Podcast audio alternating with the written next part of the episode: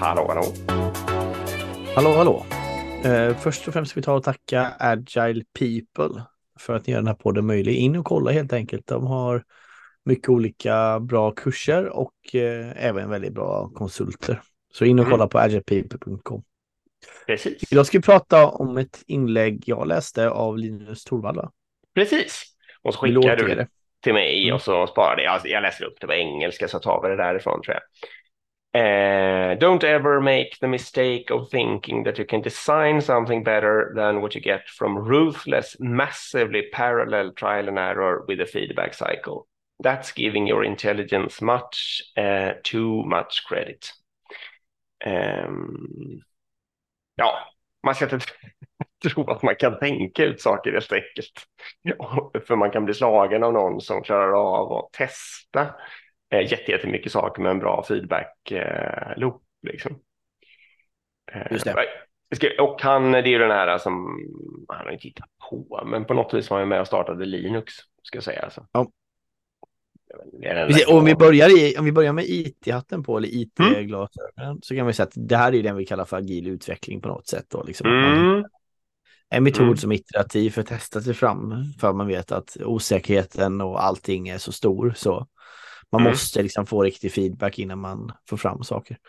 Men det här gäller ju det mesta. Jag menar, säg att, vi Mm. ska ta, att vi ska implementera en ny HR-process nu. Du och jag sitter här som HR-direktörer på ett bolag. mm, Då är det ju lätt att börja så här, mm, nu ska vi tänka ut den perfekta liksom, performance management-processen eller vad det nu är man vill hitta på som HR-person.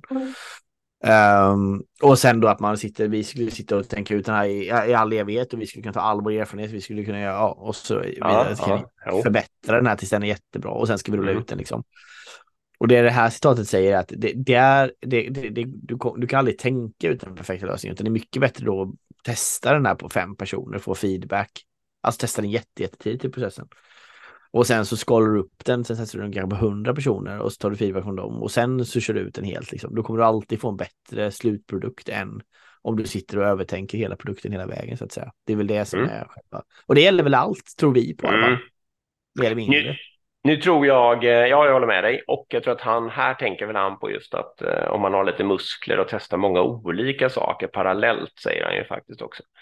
Eh, då kan man slå vilken design som helst. Om man håller på med någon agil utveckling och sådär, då har man ju ofta hypoteser som ändå ofta är lite, jag vet inte, men de är ju skapade på någon, med någon designhjärna kanske. Här kan man Ja. ju tänka sig att han också är ute och fiskar lite efter att man bara det är lite svårt att säga för det beror på vad det gäller, men att han är ute och fiskar efter att man liksom kan göra masstester av precis vad som helst och hitta någonting. Alltså lite kanske som när de eh, byggde större och större eh, large language models eh, Mm, och till slut fick den att börja bete sig som en människa. Liksom. just det. Eh, där har man ju lite testat, tycker jag då. Massively. Men jag håller med dig om, och om det du säger också, att så fort man har en feedback loop, ehm, gör någonting, har tillbaka ett resultat, så blir man ju ofta smartare än alla andra som försöker tänka flera steg framåt, så att säga. Ja, och sen om vi tittar på de här stora, i alla fall inom tech nu då, som är våra branscher, om vi Mm. tittar på de riktigt stora bolagen, Google och Facebook och de här, Mm, vad är det som gör att de är bättre än alla andra och så vidare? Och det är ju just det här, de testar Mm. ju liksom på helt sjuk skala, mm, eh, allting. Eh, och de har det här implementerat i sitt sätt att utveckla sin produkt, Mm. liksom, att hela tiden göra det. De sitter liksom inte på kammaren och tänker ut så här, vad ska bli nästa stora grej och paketerar det som en stor release och släpper det sju år senare. Alltså Nej. där.